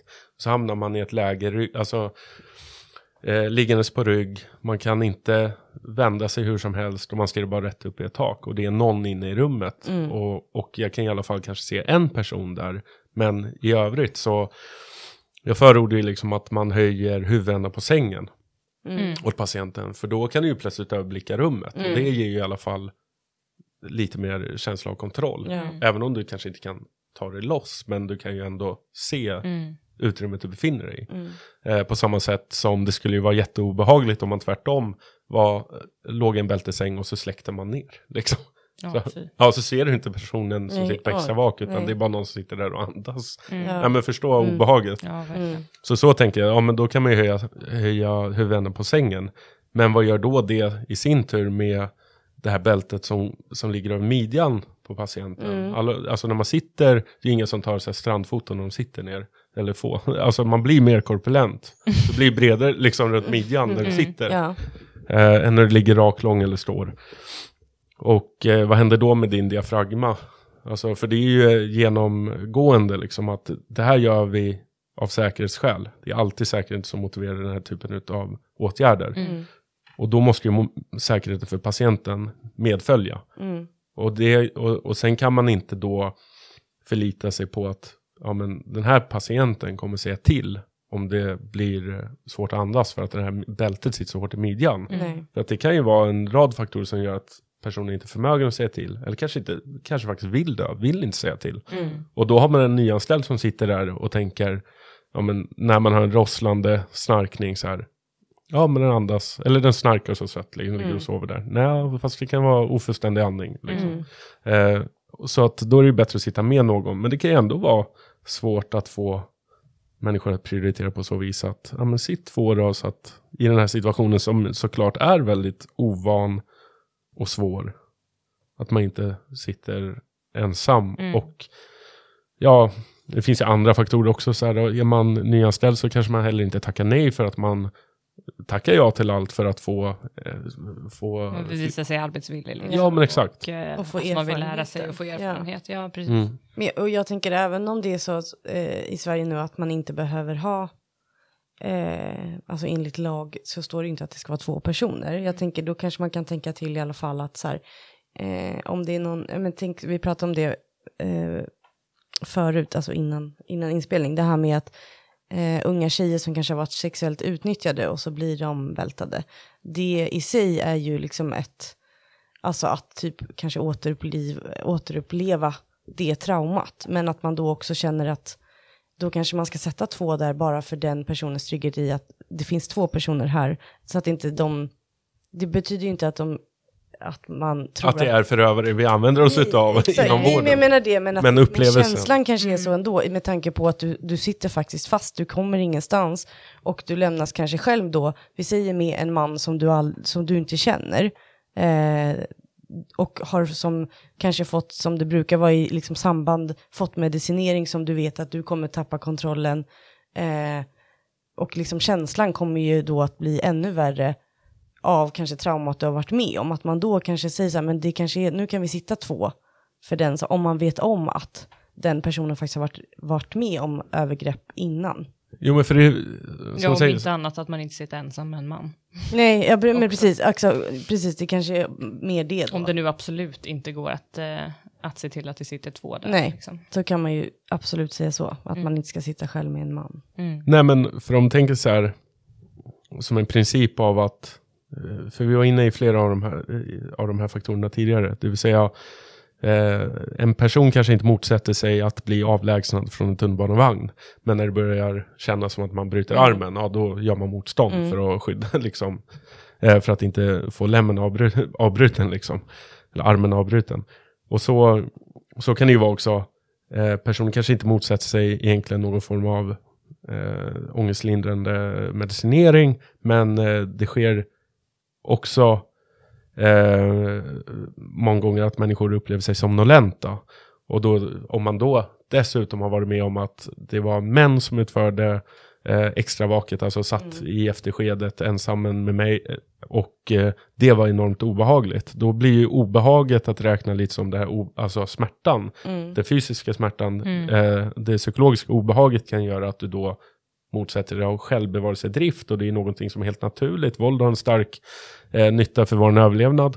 Eh, det är därför vi har det här affektiva våldet liksom, som en reaktion på situationer som är för oss farliga. Och om du då upplever det som att nu kommer jag hamna i en otrygg situation, Mm. då kommer ju den patienten sannolikt av självbevarelsedrift motsätta sig medicinen, motsätta sig åtgärden, alltså vara mer våldsam och eh, göra större motstånd. Och om man också tänker att alla dessa, nu pratar så här intensivitet, långvarighet, timing. Um, om man tänker så här att hur långvarig ska en högintensiv åtgärd vara? Jo, såklart så kortvarig som möjligt. Mm. Men den kan ju bli väldigt förlängd och långvarig på grund av att det är så obehagligt. För att som med kroppsspråk och allt annat är tankarna inte under kontroll, alltså ens egna känslor och är hjärnan inte lugn, ja men då följer ju kroppen efter. Då Mm. blir man ju motoriskt orolig och eller, eller kanske överdrivet stel i sina rörelser och sitt tal tillika en person som då ligger i en bältesäng och man vill att det här är så kortvarigt som möjligt, att den ska komma upp därifrån så fort som möjligt. Om den personen är skräckslagen så kommer det inte gå fort. Då kommer Mm. lugnet inte infinna sig snabbt liksom. Den kommer ju fortsatt vara orolig. Mm. Eh, Så det bästa är ju att jobba med de psykologiska faktorerna, tänker jag. Att, att eh, färre hårda grepp liksom. Och, och mer eh, tankar kring vad den här personen mår bra utav så Mm. fort som möjligt. För det är ju ändå, man kan ändå se att våran, vårt må, mående är ju som en spegel liksom i oss. att Eh, så vi ser, eller så vi träffas av vår omgivning, alltså i möten med andra människor, så att det projicerar vi på något sätt med våra egna beteenden så också. Alltså om vi mår väldigt dåligt så kan ju det vara anledning till att beteendet blir kaotiskt. Eh, alltså vi kanske beter oss sämre när vi mår dåligt. Mm. Och väldigt mycket våld eh, föds ju inte bara ur eh, sån här motiv av vinster och så vidare, utan väldigt mycket våld föds ju ur att människor mår dåligt. Mm. Mm. Ehm, och då måste ju, alltså inte bara miljöarbetet i vardagen få människor att må bättre, utan miljöarbetet också i, under tvångsåtgärder Mm. förutsätta att de ska kunna må så bra som möjligt och Mm. att interventionerna ska vara så kortvariga som möjligt därav. Liksom. En annan fråga som vi fick eh, just på det här ämnet med eh, ja, men tidigare övergrepp och med bältes, eh, alltså fästspänning i bälte och sådär, eh, var att just liksom positionen i vilken man, man blir fastspänd då, alltså med benen åt, eh, ja, åt varsitt håll, eh, att den kan liksom kännas extra exponerad och att det finns liksom, eh, den här personen menar på då, att det finns många som upplever det nästan värre än själva fastspänningen i sig, just att behöva ligga med benen liksom isär, eh, med foten fastspänd på, på varsin sida av sängen och undrar om det finns något sätt där man kan bli fastspänd utan att behöva ligga med benen på, på i varsitt hörn av sängen, alltså där man inte behöver ligga Alltså, närade ben. I ärlighet så jag trodde inte att det fanns sådana bältesängar längre. Vad menar du? Nej men som eh, en annan koordinator som har eh, rättspsykiatri södra eh, har eh, utformat bälten, de som vi har på våran klinik, där fötterna placeras ihop, så man har särskilda fotbälten. Så Mm. med just Mm. hänsyn till Mm. det, det här obehaget som bälten där man placeras liksom med fötter, i, som du säger, i varje hörn. kryss liksom. Ja. Ja men exakt, det är ju klart att det där är enormt obehagligt och då Mm. kommer ju, om du tror att du är på väg till en sån position så kommer du ju sannolikt göra enormt mycket mer motstånd än om du, ja men nu hamnar jag ändå i en situation Mm. där jag kan känna mig fredad och bekväm. Mm. Även om jag, ja, jag måste ändå, det kanske är att överdriva att man känner sig fredad och bekväm, men det ska ju ändå vara så, alltså det ska Ja, ändå det kunna signalera så mycket ja. trygghet som möjligt. Ehm, det kan ju inte, nej, det, de får köpa nya bälten. Bältespecialisten.se. Ditt, ditt svar är i alla fall att det, det finns absolut möjlighet att bli fastspänd på ett annat sätt än med benen på varsin sida av sängen. Ja, absolut. Ja. Ehm, det, ja, faktiskt, jag, jag trodde att man hade frångått det helt. Ehm, så det, jag visste inte om att det fanns sådana fortfarande i användning. Jag, men jag tänker också att personen kanske också menar att man kanske inte behöver ligga på rygg. Alltså finns det ett sätt att bälta utan att ligga på rygg? Ja, hur ska jag säga, alltså hur ska jag uttrycka mig? Ja, Det är inte att föredra. nej men alltså, jag är ju väldigt mycket inne på det här, ska man bälta alls? Alltså, Ja, när det är så här, vi gör av säkerhetsskäl och eh, det är väldigt mycket som kan av så här olika anledningar vara att, okej men är det inte säkert att göra på, på rygg eller i en sittande ställning på rygg? Alltså Mm. att, du, Mm. att du ligger med i all- i alla fall ryggen mot madrassen men att det är liksom sittande eller liggande. Mm. Ehm, då börjar jag tänka så här, finns det jättemånga anledningar till att det inte går att göra på det sättet, då kanske det går att göra på helt andra sätt. Ehm, ja, men, nej, men jag vet inte, jag kommer lite ifrån det med olika typer av grepp ibland och tänker mer på, alltså är det, alltså är säkerhetsfrågan för i det här skedet Mm. liksom, ja, är verkligen bältning alltid rätt då? Ja. Alltså, när det börjar bli en fråga på vilken position man ska ha. Mm. Typ som en gravid kvinna. Mm. Ska vi bälta liksom? Alltså, Ja, ja men jag, jag, kan, jag köper ditt resonemang, absolut. Jag, jag kan ju tänka, jag menar det finns ju länder i, i Norden som inte bältar, utan där håller de fast istället till exempel. Det är väl Island va? Som inte Mm. bältar utan jo, men håller det, fast. sen finns det ju liksom, det finns ju alltid statistik, statistik är ju ofta målsökande. Man tittar liksom typ enskilt på bältning. Det finns ju många länder där bältesstatistiken är ganska låg, men sen är det jättemycket avskiljning, Mm. eller isolering som det kan heta då. Mm. Ehm, och, eh, och sen har man jättemycket avskiljning i vissa länder ehm, som man då ser som sitt problem. Och man tycker att vi, man liksom vill röra sig mer mot bälte för att det har man historiskt ingen negativ, eller man har ingen negativ historia utav det. Och det man inte har gjort än, det kanske då är mer humant. Mm, Liksom. okej. Så att det finns så utveckling utav typ sittande bältes, alltså typ stolar och det finns lite så olika varianter som ehm, börjar så här, ja, plockas fram i olika länder Mm. och sådär. Men alltså jag, jag är så van med att måste en individ bältas, då är det i regel på rygg. Liksom. Mm. Och är rygg inte det bästa att föredra, är det alltså är det för att det finns faktorer som gör att bältning inte alls är nödvändig. Mm. Alltså för att det är lite, Jag tänker att det ganska ofta är så.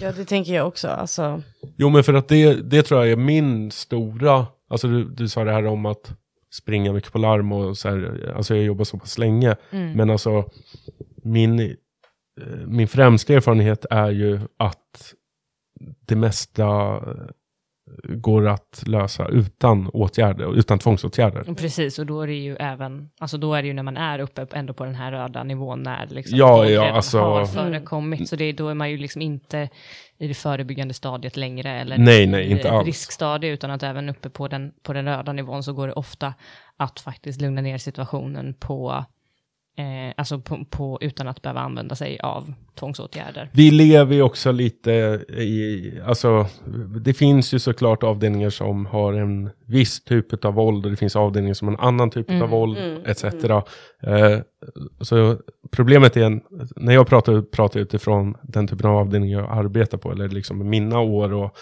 liksom vad jag har varit med om och så vidare. Medan eh, det finns säkert människor som tycker att deras situation är väldigt annorlunda och därav så går den inte, alltså min erfarenhet kanske inte går att applicera på deras vardag. Men jag vill ändå säga att jag har gått in i ganska många allvarliga situationer och ändå lyckats desarmera dem utan att ta Ja. till någon typ av tvång, Mm. fasthållning, någon, alltså grepp. Jag har också såklart gått in i många situationer och varit tvungen att använda mig Mm. utav fysisk fasthållning, lägga ner människor, hålla fast, alltså etc. Mm. Ehm, men även där så är det väldigt få tillfällen där jag inte har kunnat släppa upp. Mm. Precis, Innan att man även om man kommer behöver- ett steg så behöver man inte ta andra steg. Nej, det går ju alltid. backa istället liksom. Det går nästan alltid att deeskalera även Mm. när det har gått så långt. Ja. Liksom. Mm. Ehm, men eh, det kan ju vara sådana saker som att själv göra någonting som inte förväntas. Mm. Typ ett eh, exempel, om jag anonymiserar det så mycket som möjligt, men det är pågående våld inne i ett rum.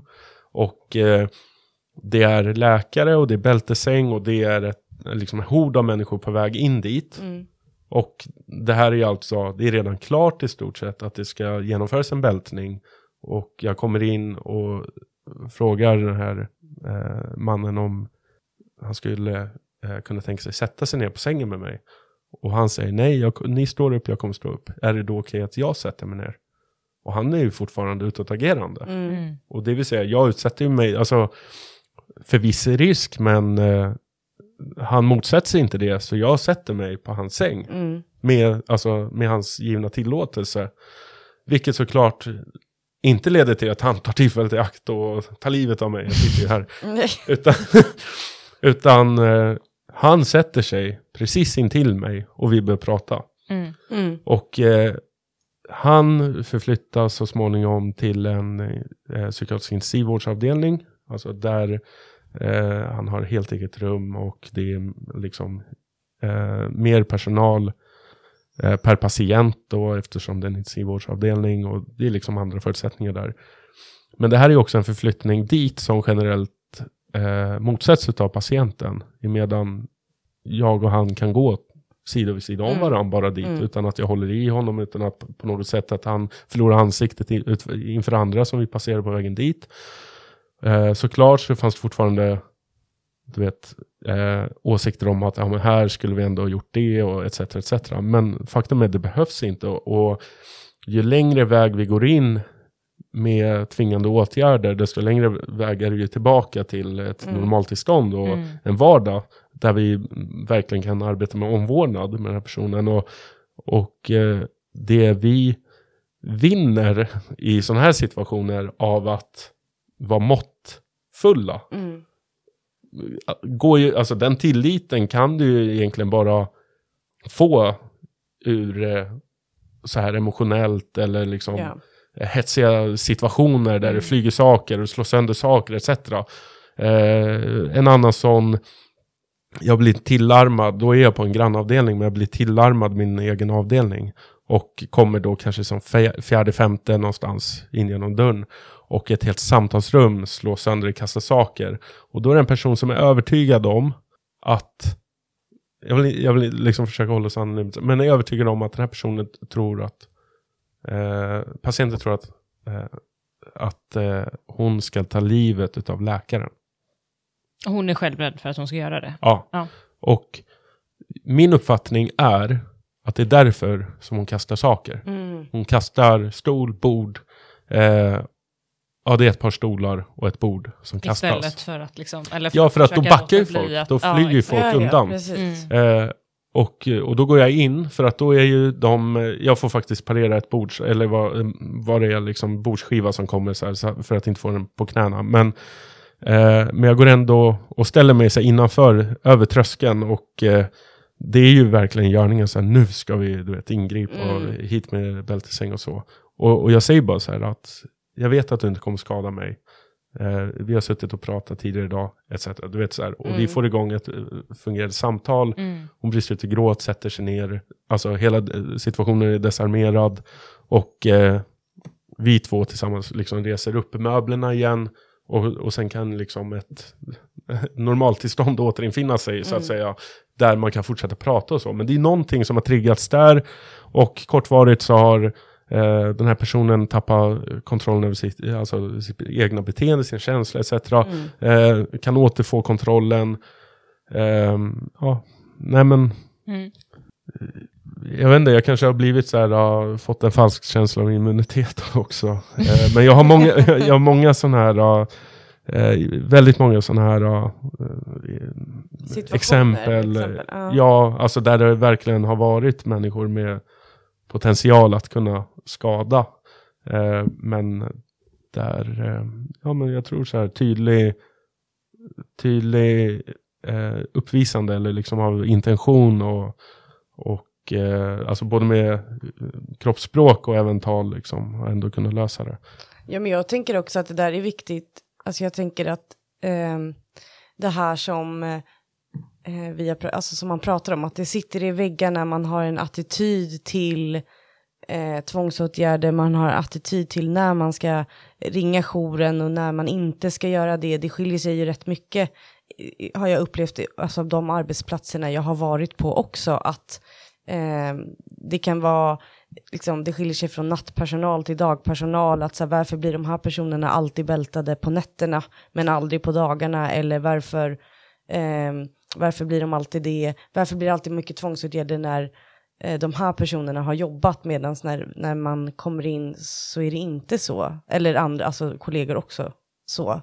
Jag tänker att det handlar ju lite om det här eh, tänket att du kanske inte heller, du, du går inte in i situationen med att du blir stressad, du är lugn och du har inte intentionen att du ska bälta någon eller att det ska bli en bältning utan du har ändå tänkt att vi ska lösa det här utan. Och jag tror att bara det gör ju jättemycket och jag hoppas att att folk verkligen anammar just det, om man har lyssnat på det här avsnittet nu, att man faktiskt tar till sig att så här, det är jätteviktigt, just det här äh, lugnet och att man faktiskt, äh, man behöver inte alltid, det är inte jätte, alltså det är inte alltid så att man behöver agera på att man ska ha tvångsåtgärder även om det sp springs i bakgrunden och hämtas någon bältesäng och att, att liksom, det har man ju också varit med om att folk, kollegor säger typ så att så här, ja men det är bara att bälta eller det är bara att avskilja att man kanske liksom står på sig att så här, fast det behövs inte. Mm, verkligen. Eh. Och säkert där är det också det här, på tal om hon, alltså som jag nämnde mycket tidigare, hon som hade skickat det här meddelandet med att eh, Eh, ja, men att hon bara hade varit ja. utsatt för liksom, alltså fysiskt våld då, att bli dabbad av det en gång under ganska många år inom mm. psykiatrin.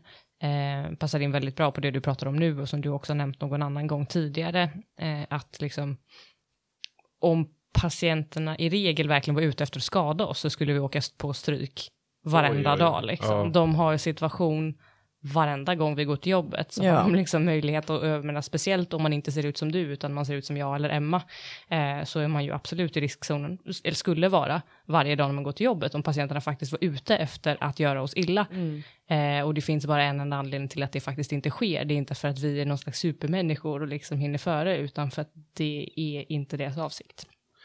Nej, alltså det finns just bara ett måttligt samband som man uttrycker, alltså varken högt eller lågt. Typ. Mm. Eh, när det kommer till eh, eh, psykisk sjukdom som riskfaktor. Däremot, det man, där man verkligen ser starkt samband, det är ju att vara föremål för våld. Mm. Alltså eh, misskommunikation, eh, missuppfattning av sin om, omgivning eller omgivningen missuppfattar en och att det blir liksom eller kanske bara en sån, sådan sak som att någon med en psykiatrisk diagnos söker till eh, somatiken. Alltså typ en vanlig medicinavdelning. Eller mm. liksom, och eh, det förutsätts att det här är psykiatriskt. De mm. får inte rätt vård. Eh, men såklart också att man blir för, föremål liksom på mer direkta sätt eh, för våld. För mm. att människor inte har eh, förståelse för ja, mm. vem personen är och hur de mår. Och, liksom, och inte kunskap i hur man ska eller hur man ska ta reda på det eller, hur, eller, hur man eller vikten av mm. att faktiskt bemöta och vara intresserad av kunskap, alltså i mm. vården överlag, tänker jag. Verkligen. Det har vi ju pratat om så många gånger här, just bemötande, bemötande, Bem bemötande. Brukar ni säga så här? Nej, vi har aldrig sagt så innan, men, Nej, okay. men det lät bra. Nej, men du eh, råkade ju höra när vi pratade lite om våra stödpunkter här innan podden. Och då nämnde ju vi informellt tvång. Och då ville vi höra dina synpunkter på. För då sa du, det är väldigt intressant. Ja, precis. Ja. Vad tänker du på då? Um, nej men, för det, det är någonting man kommer in på ganska snabbt om man pratar om så här jämförelsen, vad, vad har man samtycke från patientens sätt eh, och vad man inte samtycker för att göra. Eh, för det är många gånger där de så här underförstått förstår att gör jag inte det här, då blir det en fråga om att jag, det kommer utföras i alla fall. Mm. Eh, Eller uttryckligen, det är inte alltid underförstått. Det Nej. är många gånger uttryckligen också så att patienten får den informationen, att om den inte går med på det, så att säga, inom citationstecken frivilligt, så kommer det ske ändå mot Ja. deras vilja. och då är det ju inte frivilligt. Alltså allt ifrån en inläggning till exempel, att så här, ja men typ övertalas att läggas in, eh, så ta- kallat frivilligt för att man vet att det annars, eller liksom informeras om att, ja men liksom vad händer om jag inte lägger in mig då, eller går med på att bli inlagd?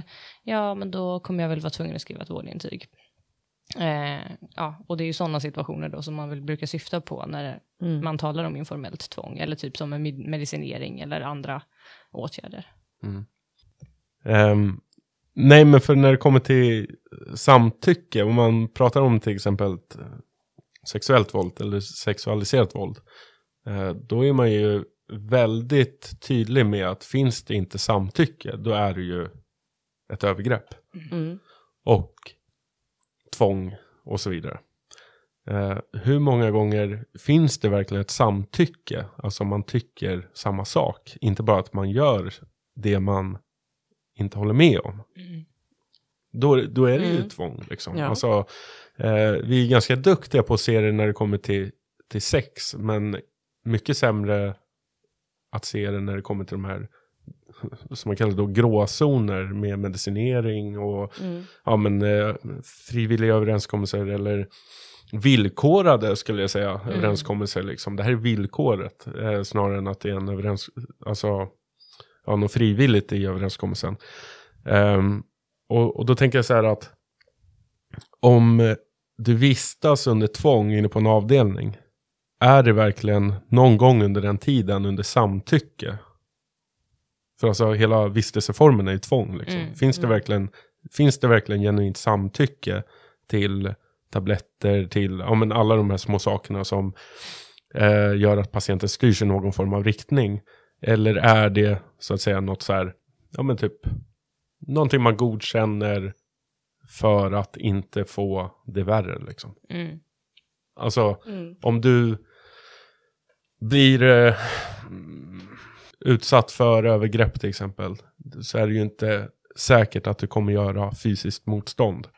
För du kanske upplever det som att gör jag det, då kommer skadan riktad mot mig eller eh, våldet riktat mot mig vara ännu allvarligare. Mm. Och, och, och nu, alltså i respekt också till kollegor så menar jag liksom inte att ni förgriper er på patienterna. Men upplevelsen kan ju vara det. Mm. Mm. Alltså att det verkligen är ett övergrepp. Ja. Och i någon mening är det ju det mot Det är ju det. vilja. Jag tänker att även en, en åtgärd som kanske liksom är motiverade, så jag tänker både i lagens mening och Etiskt. även i, alltså etiskt utifrån liksom situationen, så betyder ju det inte att den inte kan utgöra ett övergrepp samtidigt. Alltså det är ju inte automatiskt liksom två motsats, eh, vad ska man säga, tillstånd precis. liksom, utan så, så här, det, patienter kan ju fortfarande uppleva sig bli utsatt för ett övergrepp, även om alternativet inte skulle nödvändigtvis vara bättre. Ehm, så att så kan man väl absolut säga. Nej, och, och samtidigt så kommer ju det också att här är över, övervägandet vad som är bäst ändå gjort utav en annan part än patienten själv. Mm. Och eh, vem är att säga att patienten alltid har fel då i överväganden där två stycken individer inte är överens, det vill säga en Om, läkare och om en sitt patient. eget liv liksom. Ja, Mm. Eh, och eh, kan till och med vara så att vid något tillfälle så fattas ett beslut där man anser att det här är bäst att göra nu utifrån liksom att det, det kanske är enklare. Alltså det tar eh, en del tyngd ifrån någons axlar att göra på ett visst sätt snarare än på ett annat sätt. Mm. Ehm, för om man pratar om ehm, alltså det finns ju många vinster med att ha patienten med på tåget och inte bryta mot eh, eh, alltså försöka att få ett samtycke med all typ av vård. Och det är ju det att, eh, som pratar om compliance. Typ, eh, om vi har gjort så här många eh, omständiga och eh, potentiellt eh, väldigt djupt traumatiserande tvångsåtgärder. För liksom en kortvarig förbättring som kanske leder till en utskrivning. Mm. Men där patientens upplevelse av att det här kommer jag inte samtycka till när jag är ute alltså i samhället om det är på tal om någon fortsatt medicinering, liksom, ja, då kommer ju återinsjuknandet eh, potentiellt vara eh, var så stort. Kanske för att man ne negligerar patientens eh, eh, vad heter det, efterfrågan att ta en annan medicin för att de har på, eh, påverkats av biverkningar och sådana saker. Ja, då är det så här, okej, okay, så vi tvingas, eh, eller patienten tvingas på den här medicinen till utskrivning. Och sen när de går utanför dörren så upphör de med den och återkommer efter ett par veckor. Eh, var ju då meningen att eh, bedriva så mycket tvång med någonting som ändå inte kommer vara varaktigt och verkligen leda till en varaktig förbättring. Eh, så att det, det, är inte bara det att patientens upplevelse av det här är att ja, men man får liksom typ upphöra lite med att yttra motstånd hela tiden till det här och liksom ja, komma till en så, här så kallad frivillig överenskommelse då. Men som ändå leder till att de upphör med medicineringen i efterhand. Mm. Alltså man tjänar ju mer på, eh, både för patientens skull men också för vårdapparatens skull, mm. att de går därifrån med, alltså nöjda med den medicinering de har när de mm. lämnar. Liksom. Um, sen kan det ju vara en fråga om att ibland så är det just sjukdomstillståndet som gör att det finns ingen medicin som de upplever att de skulle vara nöjda med och de är de facto nöjda när de skrivs ut. Mm. Um, men jag tror inte att det är fruktbart att vara kvar med exakt samma medicin, för det har jag ju stött på, liksom att det är tal om exakt samma medicin även gång nummer två, gång nummer tre och gång nummer mm. fyra. Alltså, då är det så här, då är man lite inne på Einsteins, vet, att göra samma sak, mm. samma givna förutsättningar och förvänta sig nya resultat. Det är mm. definitionen av dumhet. Den vill man ju inte iklä sig. Eh, som när man liksom försöker vårda människor. Nej. Och sen fråga sig hur kommer det sig att de alltid återinsjuknar och kommer tillbaka. Jo, fast vi måste kanske göra på ett annat sätt. Liksom. Mm. Eh, så samtycke spelar väl roll på flera sätt där. Och samtidigt, jag kanske kommer en bra bit ifrån våldsprevention, men det finns ju ändå en tänker en helhetsbild. För det här är ju faktiskt relationen mellan patient och personal. Ja, och eh, om upplevelsen ständigt är att, eh, ja, att inte patienten känner att sina e dess egna behov är främst i, eh, främst i rummet, då, då kommer ju relationen vara dålig. Liksom. Och då, ja, kom, mm. då kommer ju konflikter röra till exempel medicinering. Mm. Vi pratar ju väldigt mycket om att, att det är farliga situationer som, som vi liksom kan eh, förhindra. Mm. Eh, det finns inte, men vi kan inte prata om så farliga individer, för det finns ingenting vi kan göra med det. Liksom, aha, man kommer en farlig, alltså mm. nej. Men vad är det då som kan vara en farlig situation här? Jo, men det är att personalen får en attitydförändring, för de ser samma insjuknande, mm. samma mm. liksom, sjukdomsbild, samma individ för 71 gången och patienten ser tillika trött personal. Mm. De ser samma tråkiga väggar, mm. samma tråkiga, alltså läkarsamtal, samma process åter och ja. om och om igen. Och det kan verkligen leda, det är verkligen friktionsskapande. Mm. Det kan ju verkligen leda till konflikter. Um, och där någonstans så kan ju också um, personen börja tappa hoppet om att det kommer se annorlunda ut framåt. Mm. Och det är verkligen det farligaste som finns. Mm. Att, mm. att känna hopplöshet. För om man tappar hoppet, då, man ju, då är man orädd all annan typ av smärta, fara, lidelse. Ja, alltså, absolut. Då finns det inget annat då, som kan drabba en som är värre än att man faktiskt har förlorat tron liksom, på att det, mm. det kan bli bättre. Mm. Håller med. Verkligen. Och då har vi bestämt att eh, som eh, tack för att man gästar våran podd så får man välja en organisation som vi kommer att skänka pengar till. Så då undrar jag om du har någon organisation som du vill att vi ger en slant till? Uh, för att fortfarande vara politiskt korrekt och så att jag inte har koll på så många organisationer men i, uh, i veckan nu så sköts en polisman till döds uh, som en jämnårig mig. Och han och hans sambo väntade barn. Så de har eh, barn som inte hon har fött ännu. Eller ja, han skulle ha blivit pappa då. Och eh, de har startat, det finns på Facebook, det har startats en insamling till henne. Eh, med tanke på inte bara den emotionella skadan, men det blir också en ekonomisk skada för eh, den här, vad som skulle ha blivit en familj för deras framtid då. Så jag tänker att det kan vara, eh, det kan göra gott. Mm. Det var fint. Det ska vi absolut göra. Ja. Och med det sagt. Så kom jag på att jag återigen glömde Ja. en väldigt viktig del i vår podd när vi välkomnade dig hit. Vi ska se om jag väljer rätt knapp den här Ja. gången. Tack. Oj! Av en flaska här. Tack så mycket för att du har varit med i vår podd, Mattias. Tack. I detta andra gästavsnitt i Normaltgalens historia. Exakt. Ehm, ni får inte glömma att följa oss på Facebook, eller på att säga, inte Facebook, men på Instagram om ni inte redan gör det. Och där heter vi normalt galen understreck podcast. Och kom ihåg att tipsa och Dela. dela, våran podd till alla, alla, alla ni känner. Tack för idag. Right. Tack så gärna mycket. säga hej då. Hej, hej då. Hej då.